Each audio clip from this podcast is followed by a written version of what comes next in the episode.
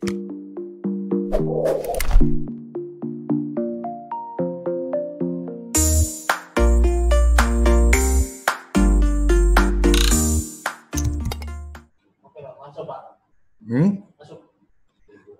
Salam bahagia kerabat desa Indonesia.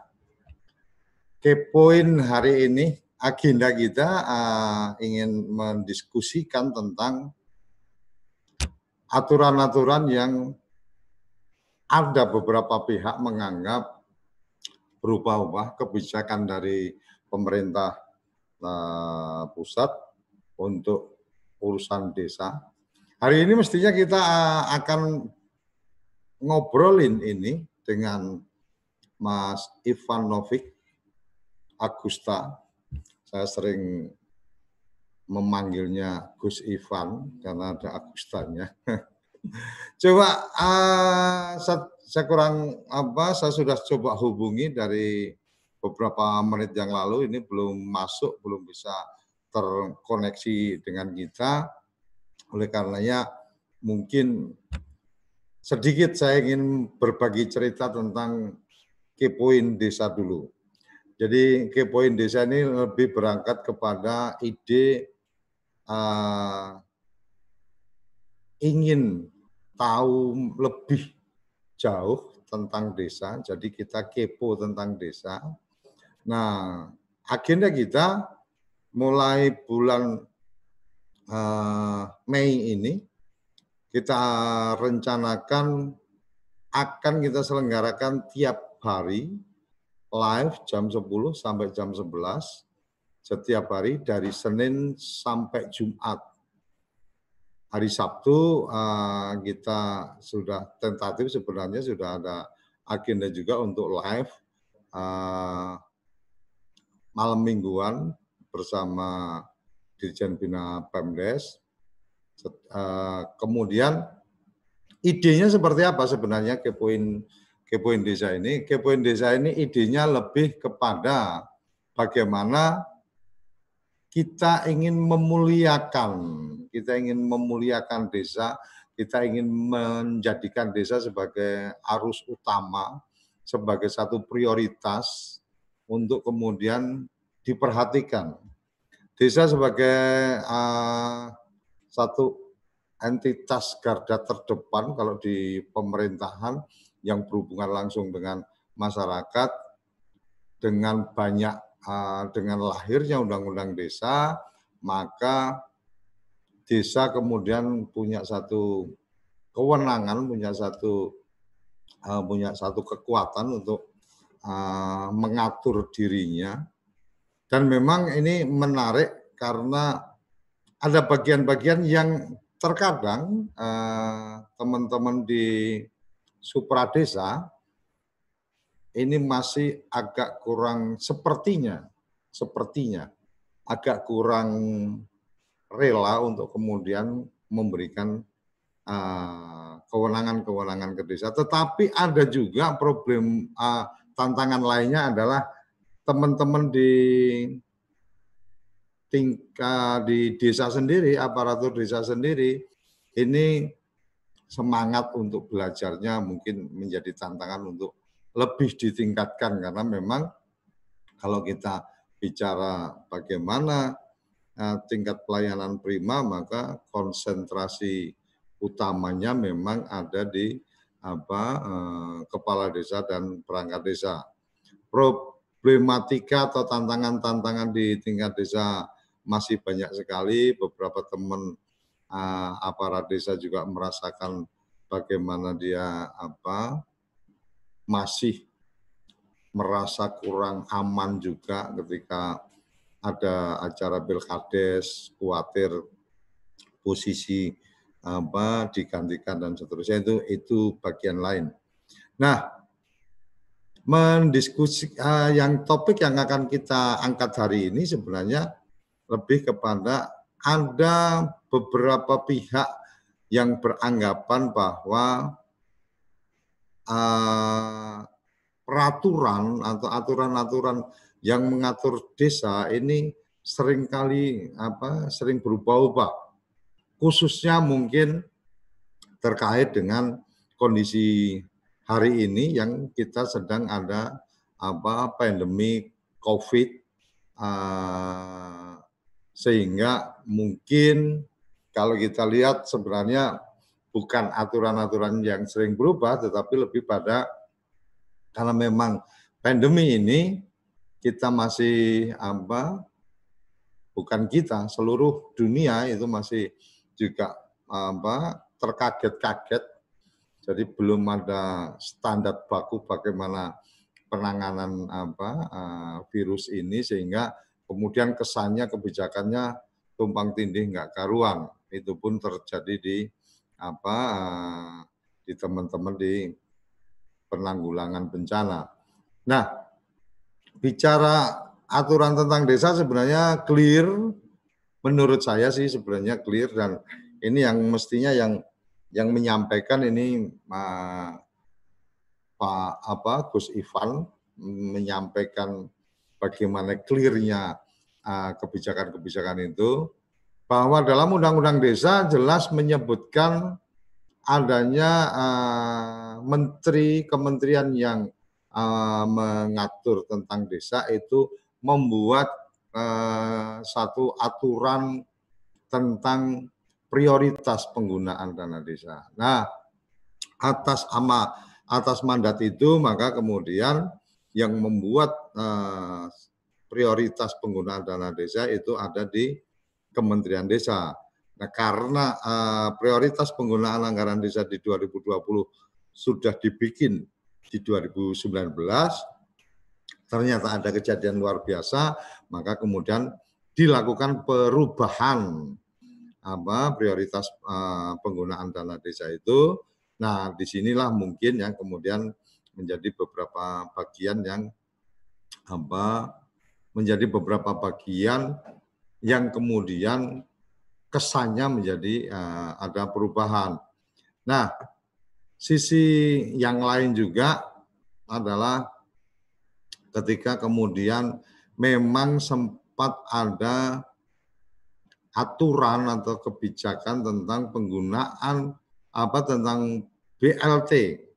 Jadi bantuan langsung tunai dana desa yang kemudian apa disampaikan bantuan langsung tunai dana desa ini disampaikan uh, bahwa salah satu uh, persyaratannya adalah punya KTP atau NIK.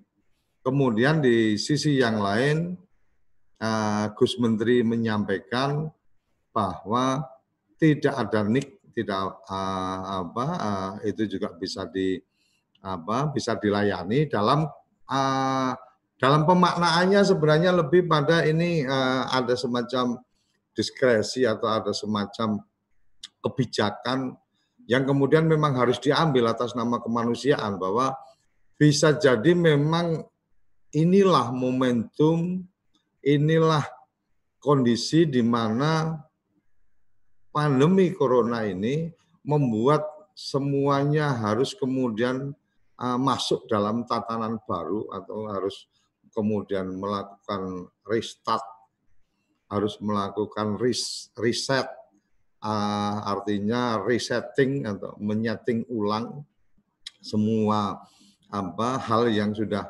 dikerjakan hari ini. Sama sama seperti ketika kita bicara tentang bagaimana data data kependudukan umpamanya bagaimana mereka-mereka uh, yang mendapatkan apa mendapatkan bantuan ternyata tidak tepat dia bukan orang miskin dapat bantuan dan seterusnya. Nah, di sinilah kemudian desa menjadi sangat penting mengambil peran itu mengambil peran itu untuk melakukan pendataan, melakukan validasi data. Nah, ini yang uh, apa yang kita coba lihat sebagai satu kebijakan atau kebijaksanaan lokal yang memang harus diambil bahwa oh iya dia memang pen, uh, warga desa. Oh iya memang ada apa secara pencatatan masih terlewatkan dan seterusnya. Oh iya memang ini di apa di di apa diusulkan atau disampaikan dalam musyawarah desa bahwa si Fulan ini memang warga kita tidak ada apa KTP atau tidak ada NIK dan seterusnya, tetapi memang warga yang kemudian perlu mendapatkan apa bantuan dan seterusnya, maka otoritas mungkin atau istilahnya mungkin uh, lebih pada uh, kewenangan desa membuat keputusan dalam musyawarah desa khusus. Jadi musyawarah desa khusus menetapkan tentang siapa-siapa yang apa uh, punya hak untuk mendapatkan itu. Jadi sebenarnya bukan tumpang tindih atau bukan carut apa uh, bukan berubah-ubah tetapi memang ada kondisi-kondisi yang kemudian apa kondisi-kondisi yang kemudian memang harus ada ada pertimbangan-pertimbangan kebijakan. Nah, kerabat desa uh, hari ini ini sampai uh, sampai jam ini kita masih belum bisa terhubung dengan Mas Ivanovic. Mungkin apa kelelahan, kemudian apa uh, istirahat, uh, belum bangun mungkin karena ini hari Sabtu. Oleh karenanya uh, kita akan pastikan bahwa mulai ke depan Kepoin Desa akan apa akan ada di hari Senin sampai Jumat. Dan saya mengundang teman-teman untuk bisa memberikan komentar di YouTube kita, TV Desa. Terima kasih sudah memberikan respon Mas Sofian Alfianto. Aturan-aturan tidak berubah, tetapi pemerintah yang sering mengeluarkan statement melanggar aturan-aturan tentang desa. Nah ini menarik ini. Uh, Mas Sofian kalau memang memungkinkan untuk memberikan respon atau kalau mungkin apa uh, berminat untuk bergabung di forum kita kebetulan ini Mas Ivan belum datang bisa uh, eh, WA ke saya ke 085 865275733 saya akan share uh, ID room untuk kita bisa gabung di uh, forum ini. Silakan. Jadi mungkin yang dimaksudkan dengan statement melanggar aturan tentang desa mungkin mungkin ini memang uh, apa make apa uh, apa ya dana desa kalau tidak salah menangkap saya dana desa ini memang mestinya sepenuhnya otoritas dari desa untuk menentukan untuk apa. Bahwa skala prioritas ya, bahwa skala prioritas itu benar skala uh, skala prioritas uh, uh, di mengikuti uh, peraturan menteri, tetapi bahwa kemudian semuanya keputusannya ada di musyawarah desa. Artinya apakah mengikuti itu nah, skala prioritas itu apa bisa bisa kemudian diambil yang mana uh, dengan apa uh, program-program uh, yang diutamakan.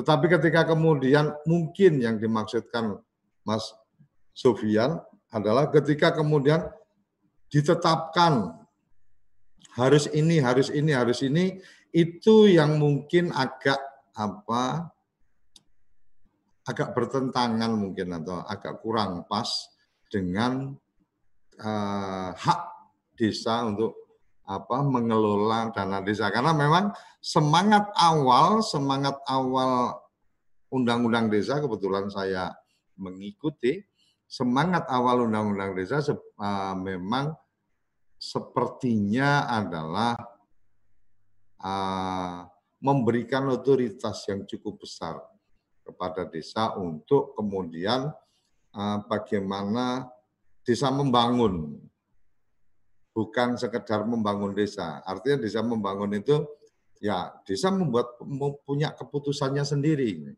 Nah mungkin itu yang dimaksudkan oleh Mas Alfianto tetapi saya tidak tahu persis apa. Saya masih menunggu respon lanjutan.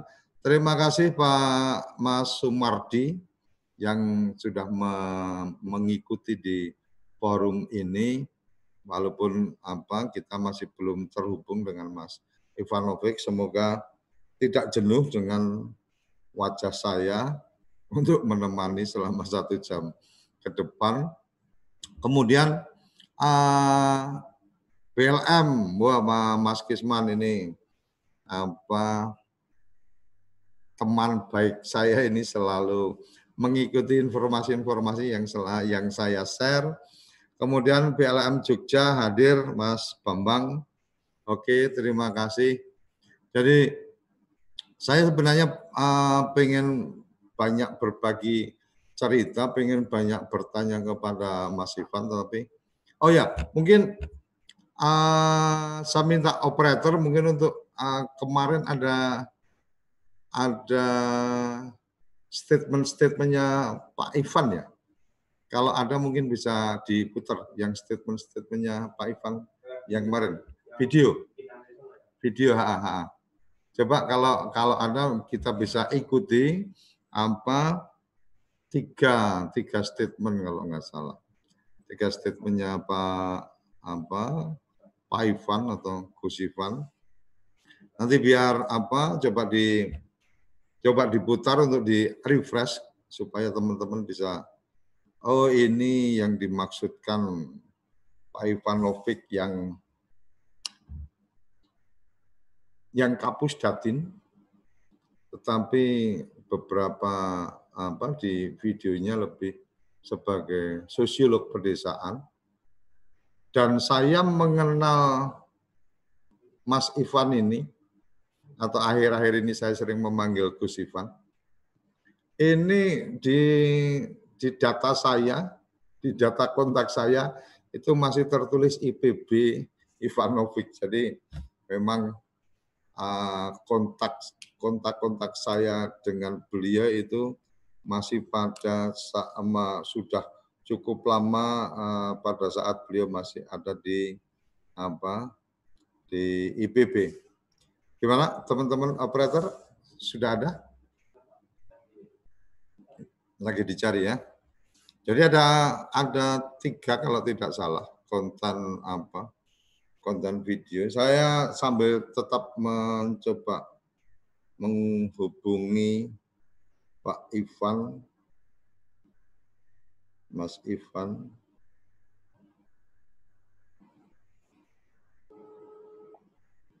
Semoga bisa segera terhubung. Nah, waktunya juga. Kita sepakati waktu kita memang hanya satu jam 60 menit jadi. Dan untuk teman-teman saya informasikan hari Senin sudah sudah akan apa sudah menyatakan kesediaannya untuk apa untuk hadir di Kepoin Desa kita akan berbicara tentang uh, desa wisata. Jadi apa? Akan ada desa wisata Mas Aziz dari Jogja, Tulen Pari yang apa? Wulan Pari ya kalau nggak salah. Yang rencana nanti akan menyampaikan kon apa ke update tentang bagaimana desa wisata mensikapi COVID. Oh ya Makassar, terima kasih sudah hadir. Oke, Mas Fatur, oke, Mas Fatur, perubahan kali ini berhulu pada pasal 28 Perpu 1 pengecualian pasal 72 Ah, oke. Mas Fatur, kalau Mas Fatur memungkinkan untuk bergabung, monggo silakan. Uh, mungkin saya share langsung aja uh, di Zoom, silakan masuk ke Zoom ke 801 801 1234. Betul ya? 801 801 Ya, eh 801, 802, 1234. Yang ini. Hmm. Yang COVID. Ya.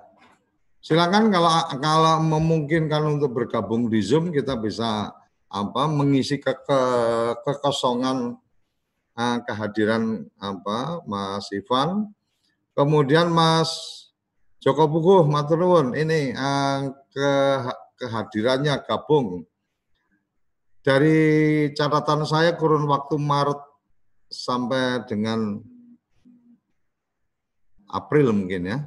Ada 10 kebijakan yang multi tafsir. Nah, nah ini. Jadi memang mungkin tidak ama tidak berubah-ubah tetapi uh, saya sepakat dengan Mas Joko Buku bahwa multi tafsir. Jadi memang me, dalam konteks pembuatan kebijakan ini yang kita harus cermati adalah kehati-hatian bahwa kebijakan itu jangan sampai terlalu banyak tafsirnya, kemudian harus implementatif.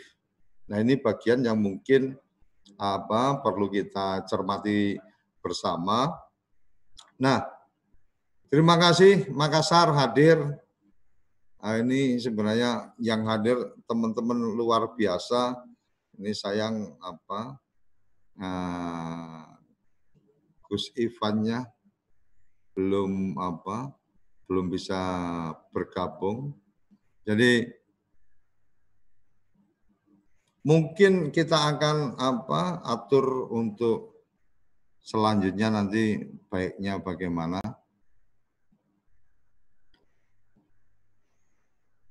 Jadi ada beberapa bagian yang memang harus kita cermati bantuan langsung tunai desa ini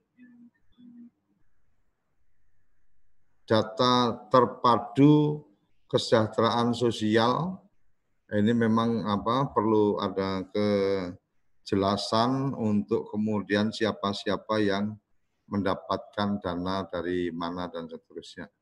Nah, kembali operator uh, udah siap ada ketemu Oke.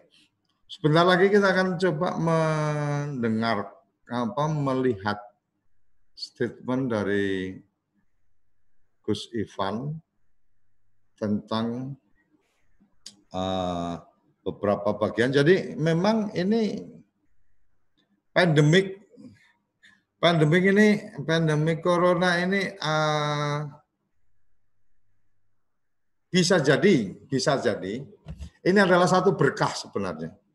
Artinya satu, satu berkah saya maknai sebagai satu berkah karena kemudian ada kesadaran ada kesadaran kita bahwa ada bagian-bagian itu, oh ternyata bisa seperti ini, oh ternyata kita masih punya kekurangan di bagian mana dan seterusnya dan seterusnya. Termasuk termasuk bagaimana kita apa kemudian sadar untuk kemudian ber, berinternet, sadar kemudian untuk apa mengefisiensikan pekerjaan, tidak harus keluar dan seterusnya. Uh, menjadi penting memang. Nah ini terima kasih Mas Joko Puguh kehadiran narasumber menjadi penting untuk dapat bertutur praktek baik desa-desa uh, yang telah berhasil penyaluran. Oke, uh, hari Senin insya Allah kita akan uh, mendiskusikan karena sudah terjadwal. Boleh uh, kerabat desa bisa melihat di channel YouTube TV Desa itu ada ada uh, live streaming yang akan datang. Live streaming yang akan datang. Hari ini setelah uh, acara kita nanti sore di, di channel YouTube uh, eh, TV Desa, kerabat desa bisa mengikuti program, uh, bisa mengikuti live streaming dari uh, ngabuburit desa bersama desa wisata. Ini uh, topik topik sore nanti adalah peran BUMDes dalam apa uh, dalam uh, agenda de, uh, desa wisata di era pandemik ini. Ini menarik dari teman-teman Desa Wisata Institut kebetulan uh, TV Desa berkolaborasi untuk kemudian menyiarkan webinar yang mereka apa yang dilakukan oleh teman-teman Desa Wisata Institut dan nanti sore mulai jam 4 ini adalah seri ke-6 dari ngabuburit bersama Desa Wisata. Nah, hari Senin untuk kepoin desa kita akan hadir uh, narasumber untuk agenda bagaimana menyikapi eh, teman-teman uh, dari teman dari Jogja uh, bicara tentang melakukan riset, uh, melakukan restart untuk setting ulang desa apa desa wisata. Oi, terima kasih Gus Ivan ini sudah bergabung. Wah, baru baru bangun tidur ini kayak. sorry, sorry. Benar-benar. Oke, siap, siap, siap, siap, siap. Uh, masih ada waktu kita uh, tadi tadi teman-teman apa mungkin mudah mulai jenuh dengar suaranya ya. Suryo Koco karena ini juga lagi apa lagi pongki juga ompong sebelah kiri. Semoga nanti beberapa hari ini kita sudah pasang apa gigi untuk supaya kalau senyum bisa lebih lebar. Apa kabar Gus? Baik, baik. Gus Ivan, ini benar, saya, benar. sampaikan ke teman-teman bahwa dulu saya sering panggilnya Mas Ivan, tapi terakhir ini saya jadi tertarik manggil Gus Ivan karena di belakang Ivanovic ada Agustanya, jadi iya iya iya ditarik ke depan. Oke. okay. kecil juga sering gitu, Gus. Cah bagus okay. maksudnya. Oke okay, Gus, ini uh, eh, yeah. yang yang saya ingin apa uh, kita coba angkat hari ini ada yeah. beberapa teman yang uh, beberapa waktu lalu uh, menyampaikan bahwa aturan tentang desa ini sering berubah-ubah, bikin bingung dan seterusnya. Bisa jadi itu itu sebagai satu alasan. Bisa jadi itu yeah, ya. sebagai yeah. satu alasan bahwa tidak punya kemampuan untuk kemudian teman-teman melakukan apa uh, percepatan realisasi dana desa mungkin atau mencair apa atau melaksanakan uh, APBDes-nya dan seterusnya. Tetapi ini kan cukup membuat risih nih ketika kemudian ada anggapan peraturan-peraturannya sering berubah bla bla bla dan seterusnya lah. Kemudian uh, sempat juga saya saya tidak tidak screenshot tetapi sempat juga ada yang apa menyampaikan bahwa pemerintah pusat ini nggak paham tentang kondisi desa dan seterusnya. Nah, Gus Ivan sebagai apa kepala pusat data dan informasi pasti punya banyak informasi, pasti punya data, termasuk juga boleh di-share di momen kali ini adalah apa-apa atau aplikasi-aplikasi apa yang sudah disiapkan oleh teman-teman dari Kemendes sehingga teman-teman di desa ini juga sudah mulai menyadari bahwa oh informasi valid itu ya harus dapat sumbernya langsung. Silakan, Gus Iwan. Iya iya, terima kasih. Yang pertama kembali lagi saya minta maaf ini, ini betul-betul di luar kehendak ini. Kemudian yang kedua begini, memang ada setiap menteri memiliki kekhasannya sendiri-sendiri. Kemudian eh, Gus Menteri Abdul Halim Iskandar ini ini memiliki kekhasan tertentu yang jelas beliau semua semula kan memang dari anggota DPRD yang justru memahami lapangan sebelum masuk ke dalam kementerian. Kalau istilah beliau itu dulu kalau naik kereta api itu nggak berani itu. Tapi kalau sekarang berani, karena kereta api hanya ada kelas eksekutif. Kan beliau kan legislatif waktu itu. Jadi nggak berani masuk. Nah, setelah masuk ke uh, wilayah eksekutif, kemudian ada perubahan yang perubahan cara menyusun kebijakan supaya lebih responsif terhadap warga desa. Jadi kalau boleh kalau boleh dibaca caranya melihat kebijakan di Kementerian Desa dan kemudian diikuti oleh kementerian lain sekarang ini. Itu kita mulai dari kebutuhan warga desa. Kemudian setelah itu baru pemerintah desa. Setelah itu baru kemudian ke apa, uh, pemerintah daerah dan seterusnya begitu. Nah itu yang membuat berbagai kebijakan itu menjadi sangat cepat.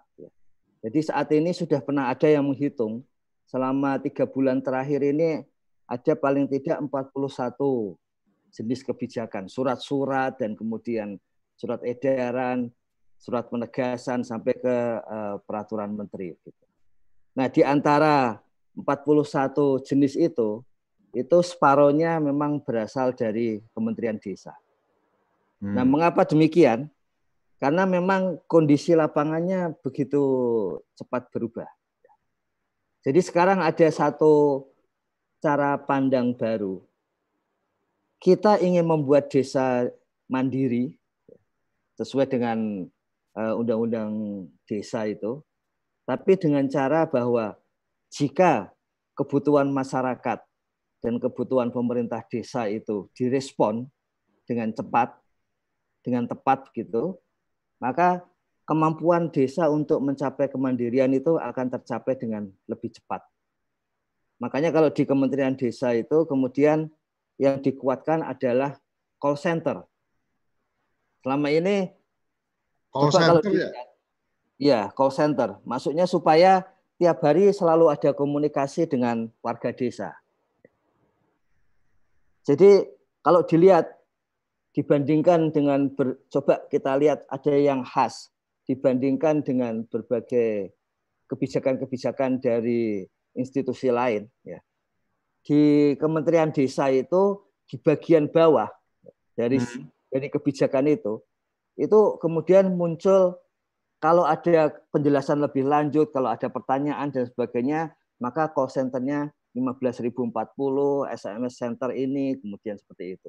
Nah ini jadi itu satu apa ya satu bundle bahwa ketika kita menyusun kebijakan maka sekaligus menyiapkan call centernya. Karena asumsinya oh, call centernya aktif ya Gus? Aktif ya aktif. Okay, dan okay. ini ini agak beda ini. Call center itu setiap hari memberikan laporan langsung kepada Gus Menteri gitu. Jadi, jadi beliau memang tahu apa namanya itu apa yang dibutuhkan oleh masyarakat.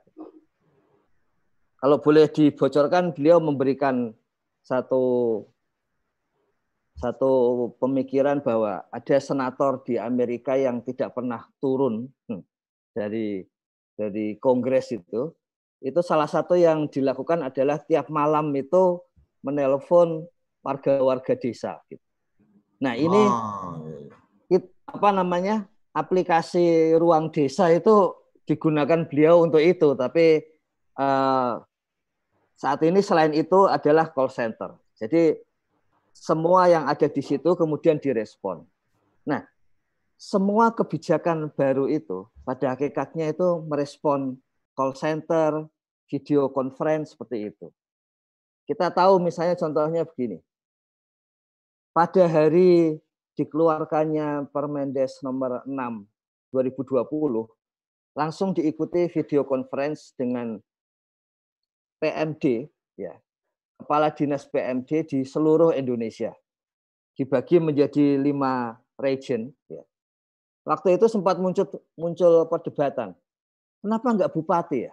Kenapa enggak gubernur? Kenapa kenapa uh, kepala dinas PMD yang diajak video conference Alasannya sederhana, karena memang begitu kepala dinas PMD, maka pengennya adalah kebijakan itu kemudian lebih cepat diimplementasikan di lapangan. Jadi apa namanya orientasinya tetap kembali bahwa supaya lebih mudah dilakukan di desa itu. Ya. Itulah sebabnya kemudian ada beberapa orang melihatnya sebagai perubahan. Tapi kalau kita lihat isinya itu paling gampang melihat itu apakah ada manfaatnya bagi warga desa. Jadi kalau sampai uh, satu kebijakan dibuat lebih mudah itu, apakah ada manfaatnya bagi warga desa. Ini contohnya yang sering dikritik ini kok bisa di dalam peraturan menteri itu disebut non tunai tapi kemudian di dalam surat yang sebetulnya ya sebagian orang mengatakan pengennya petunjuk teknis makanya di suratnya disebut surat petunjuk teknis maksudnya supaya lebih mudah itu Gus Menteri itu mengenalkan istilah kalau untuk eksekutif itu ada eksekutif summary supaya lebih mudah melihat melihat apa namanya itu kebijakan itu Nah, untuk warga desa dan pemerintah desa, maka ada village summary. Jadi coba di itu ada semacam satu lembar, dua lembar dari satu kebijakan itu yang kemudian diblas berbarengan dengan munculnya kebijakan. Itu maksudnya adalah supaya karena kebijakan peraturan Menteri nomor 6 itu kan sampai lebih dari 100 halaman. Hmm. Jadi bukan sekedar soal apakah dibaca atau tidak begitu, tapi bahkan kalaupun dibaca itu apakah tidak menimbulkan misunderstanding gitu. Maka menteri sendiri yang ya bersama dengan eselon 1 tapi terutama beliau sendiri itu yang membuat village summary satu lembar tentang isi dari surat edaran, satu lembar tentang isi dari peraturan menteri. Nah, itu yang yang sampai ke desa-desa. Gitu Gus Koco. Ah, mungkin uh, boleh berbagi nih. Tadi yeah, sempat yeah. disebut tentang ruang desa, sempat disebut tentang call center. Sebenarnya uh, pintu atau jalur-jalur komunikasi yang bisa apa yang bisa terkoneksi langsung ke Kementerian Desa atau mungkin bahkan ini kan beberapa teman-teman ini kan kadang-kadang pengen juga teman-teman yang di desa, teman-teman aparat desa dan contohnya pengen juga nih uh, keluh kesahnya atau curhatannya sampai ke, ke menteri itu jalur-jalurnya bisa lewat mana aja nih Gus? Iya, uh, kalau call center kan 15.040 ya. ya Kemudian okay. ada SMS center kita ingin mengubahnya menjadi WA Center karena sudah uh, bukan zamannya.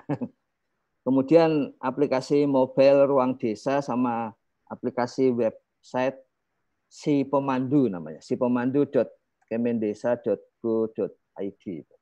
Hmm. Nah, yang menarik itu gini, Gus Koco. Misalnya contohnya saya tadi kelupaan menyampaikan. Ada yang soal cash kok bisa non tunai di peraturan menteri kemudian di eselon 1 di surat untuk juknis itu menjadi boleh tunai. Ini sebagai contoh aja. Ya.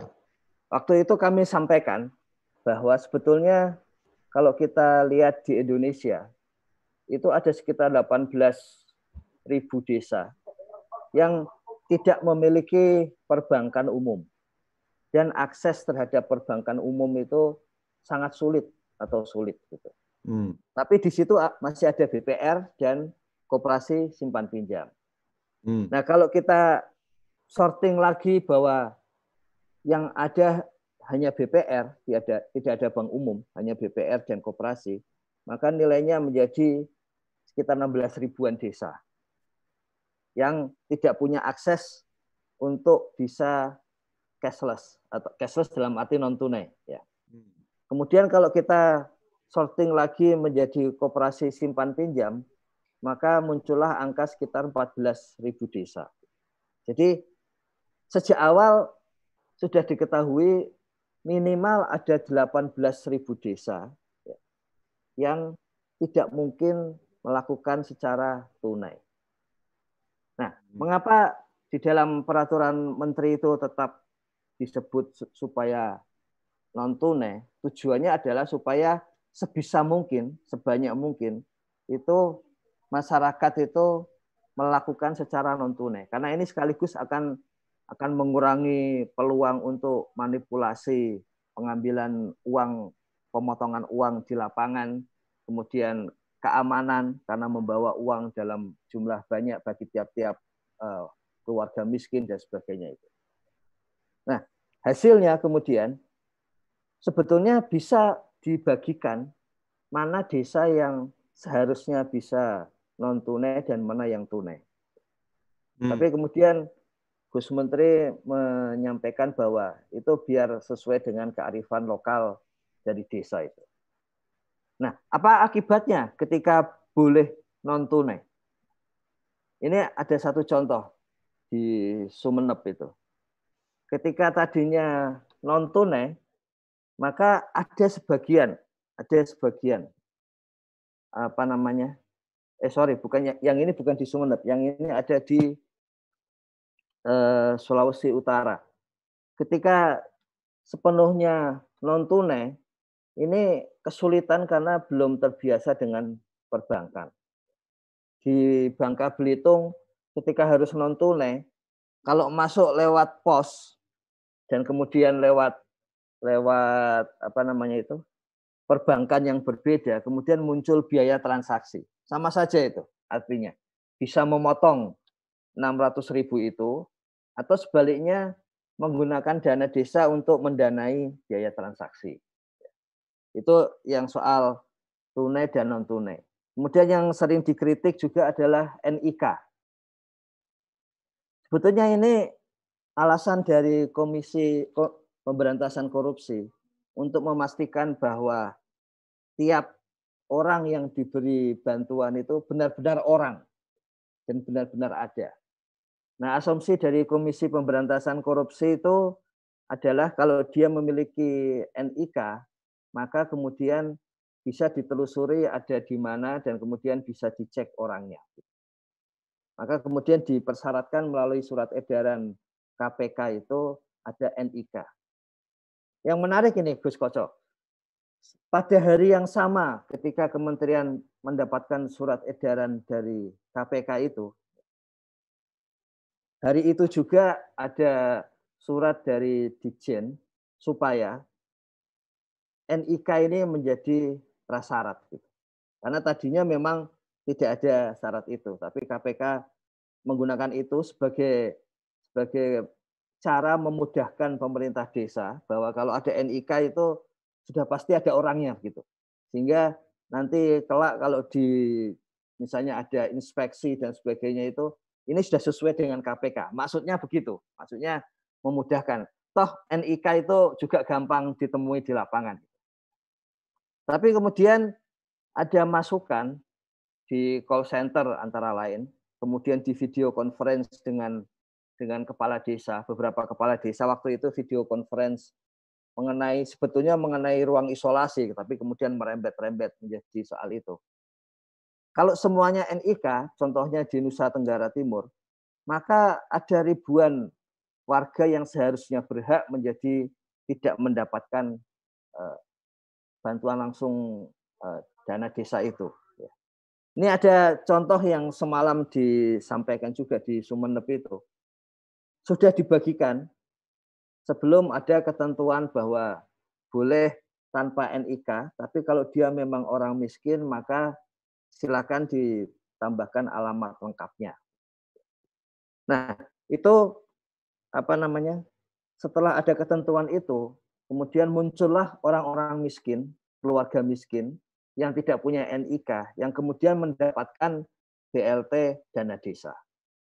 Jadi meskipun kelihatannya berubah, sebetulnya semuanya itu kata kuncinya itu relaksasi, memudahkan warga desa, terutama keluarga miskin, untuk mendapatkan bantuan sosial ini, BLT eh, dana desa ini.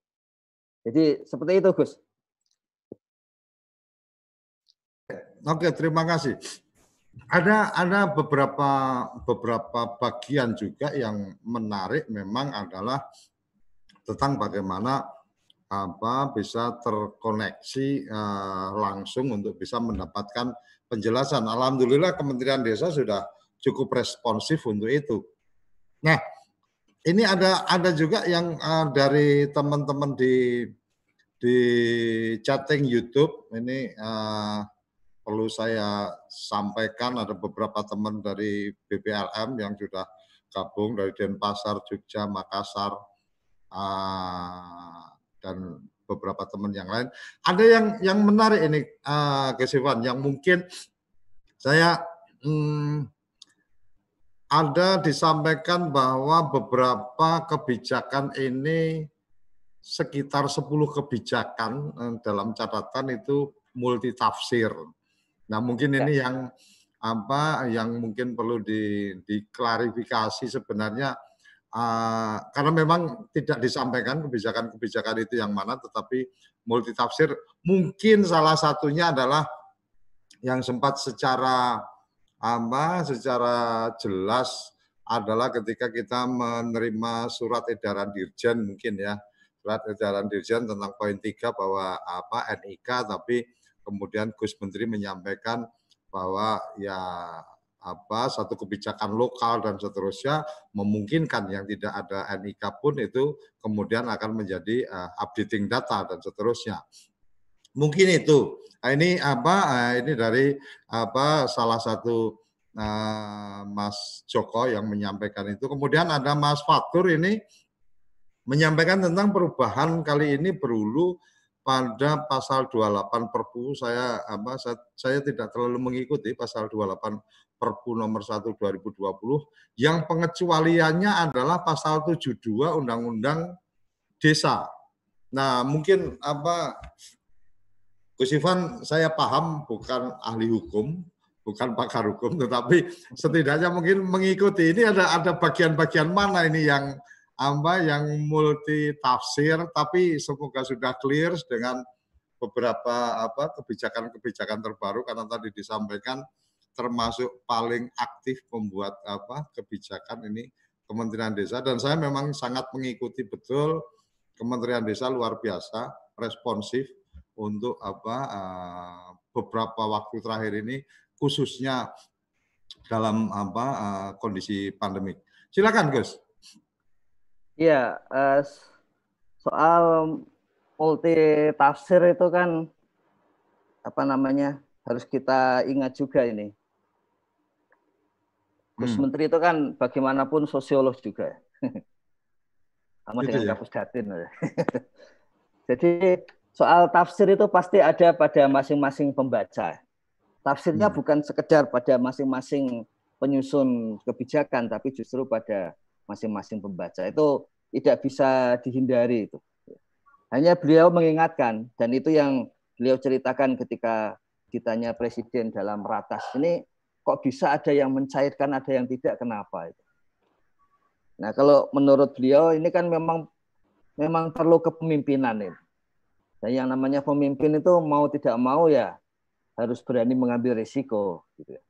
Jadi sejauh yang kita tangkap itu memang desa-desa yang cepat menyalurkan BLT ini desa-desa yang memang sekaligus kepala desanya, camatnya, dinas PMD-nya memang sama-sama apa ya cepat gitu ya dan berani mengambil risiko. Toh risiko itu semakin dikecilkan dengan cara berbagai kebijakan yang ditelurkan oleh Kementerian Desa itu. Misalnya risiko, wah gimana nanti kalau tidak ada NIK? Ya silakan, Makanya kemudian menjadi alamat. Gitu. Bagaimana kalau ternyata tumpang tindih? Ya tumpang tindih di bulan pertama, nanti di bulan kedua bisa di, dibersihkan. Jadi peraturan kepala desa ketika menetapkan siapa penerima bantuan langsung tunai dana desa bisa ditambah diktum bahwa jika ada kesalahan maka pada bulan berikutnya bisa langsung diperbaiki gitu. Nah, coba yang menarik begini Gus Kocok semua yang ada di di berbagai kebijakan dari lembaga lain ya yang ada di lembaga lain itu di di apa ya digabungkan dieratkan dengan dengan kebijakan yang lebih baru. Ini ini menarik kalau kita cermati ya. Di lampiran dari Permendes nomor 6 2020 itu hampir semua lampirannya itu ya dicetak persis sama dengan peraturan Menteri Keuangan nomor 40 tahun 2020. Nah, mengapa bisa persis sama? Sebetulnya ada alasan informal ketika Menteri Menteri Keuangan dan Menteri Desa itu berkali-kali uh, saling kirim WA apa yang akan dilakukan gitu sehingga bisa persis sama. Memang ada sedikit ada sedikit di situ yang apa namanya terlewat ya, yang kemudian muncul di lapangan. Ini nanti hasil dari musyawarah desa khusus itu SK atau keputusan kepala desa ataukah peraturan kepala desa. Jadi di peraturan menteri desa itu cukup SK. Tentu saja kita tahu tujuannya supaya memudahkan gitu. Di peraturan menteri keuangan itu peraturan kepala desa, perkades. Yang satu SK Kades. Ya. Tapi bagi Gus Menteri ini gampang. Kita cek saja, sebetulnya saat ini secara informal KPPN itu sudah diberitahu oleh Kementerian Keuangan ya, bahwa SK Kades atau Perkades diperbolehkan sebagai karena semuanya punya basis eh, peraturan perundangan maka diperbolehkan untuk pencairan dana desa.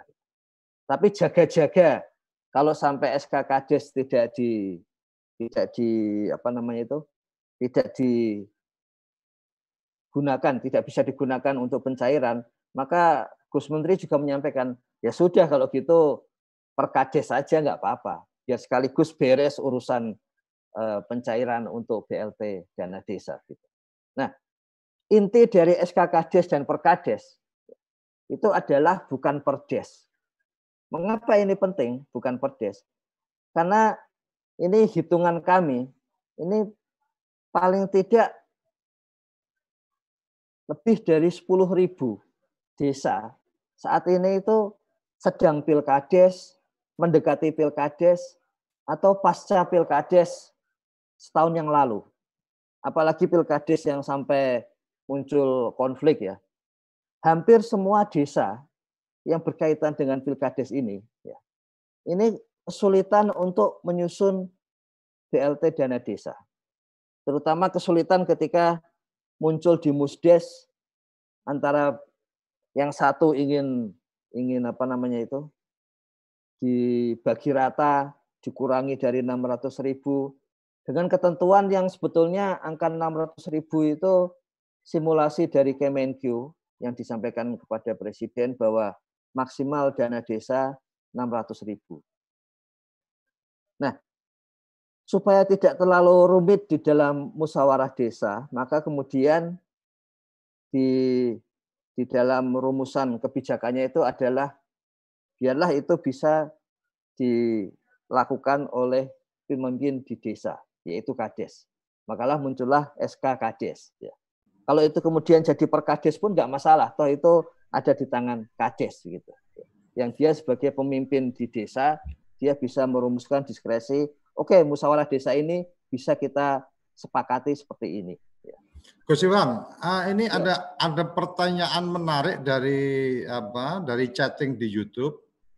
Jadi kan ketika uh, ketika uh, anggaran atau perubahan anggaran ini tidak mengalokasikan BLT dana desa, maka uh, pencairan tahap berikutnya dia tidak bisa dicairkan atau akan ada masalah dengan mencairkan tahap berikutnya yang masih sisa 20 persen. Pertanyaannya pertanyaannya adalah ketika desa itu ternyata sedikit sedikit yang terkena dampak atau teman-teman yang terkena dampak ini sudah amat terselesaikan dengan bantuan sosial yang lain, kemudian tidak ada lagi yang apa dipandang perlu atau uh, dipandang apa layak untuk mendapatkan BLT dana desa kan otomatis dia tidak merealisasikan BLT dana desa.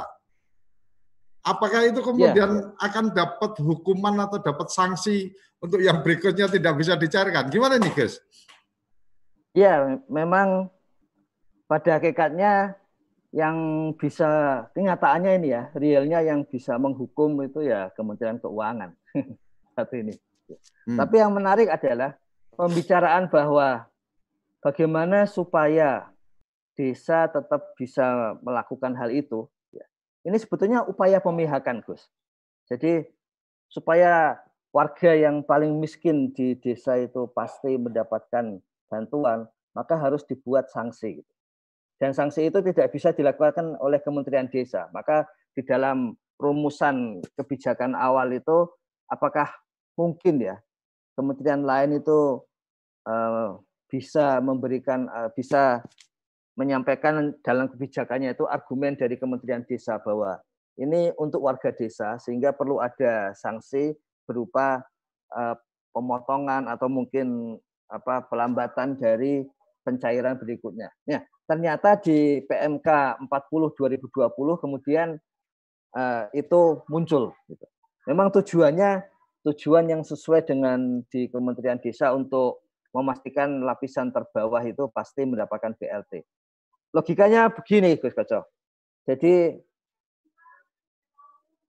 apa mungkin pada saat ini ya ada yang tidak terdampak oleh COVID-19 yaitu terutama dampak ekonomi gitu.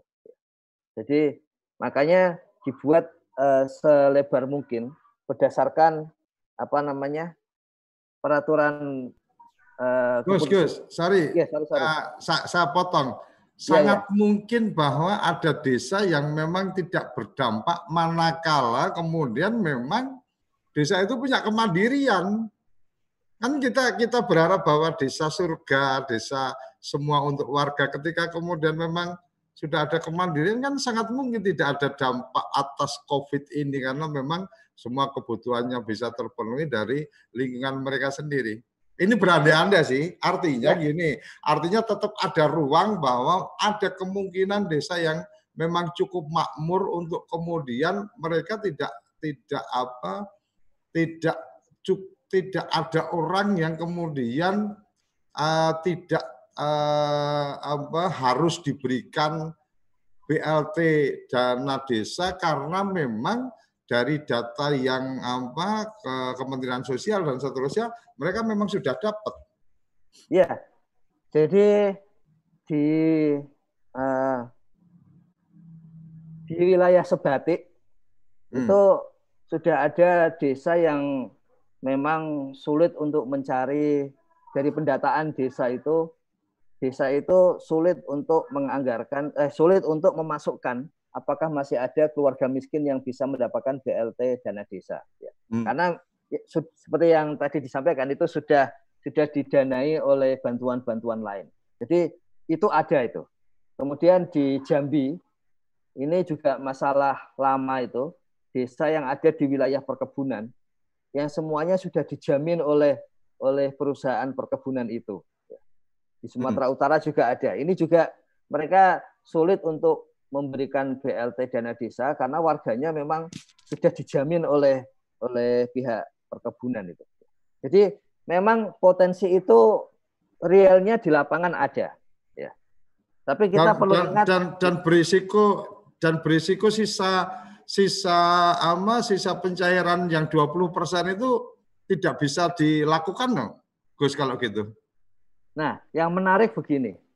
Sebelum kan kita tahu ya di bawah 800 juta maksimal 25 persen dana desa boleh dipakai, yang 801,2 miliar maksimal 30 persen, di atas 1,2 miliar maksimal 35 persen. Nah, angka itu sebetulnya munculnya begini. Di dalam berbagai fitcon dengan kepala desa dan kemudian dengan dinas PMD, itu muncul desakan supaya ada batas minimal supaya ada batas minimal. Maksudnya batas minimal itu masuk dari dinas PMD dan dan kepala desa di dalam Fitcon itu supaya memastikan bahwa BLT dana desa itu bisa berjalan gitu. Dan dan bisa digunakan di desa. Tapi yang dilakukan oleh Kementerian Desa adalah uh, melakukan diskusi berkali-kali dengan Kementerian Keuangan sehingga muncullah angka itu. Kenapa hmm. Gus Menteri sengaja tidak ada batas minimal. Karena tadinya semula sudah memperkirakan akan muncul desa-desa seperti tadi.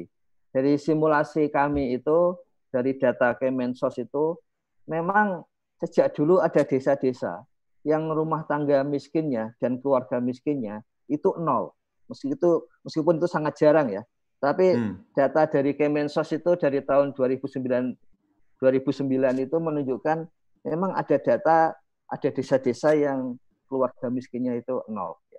Nah, dengan tidak ada batas minimal, maka silakan itu keluarga tidak ada batas minimal, maka desa silakan menganggarkan meskipun mungkin cuma satu keluarga dan sebagainya.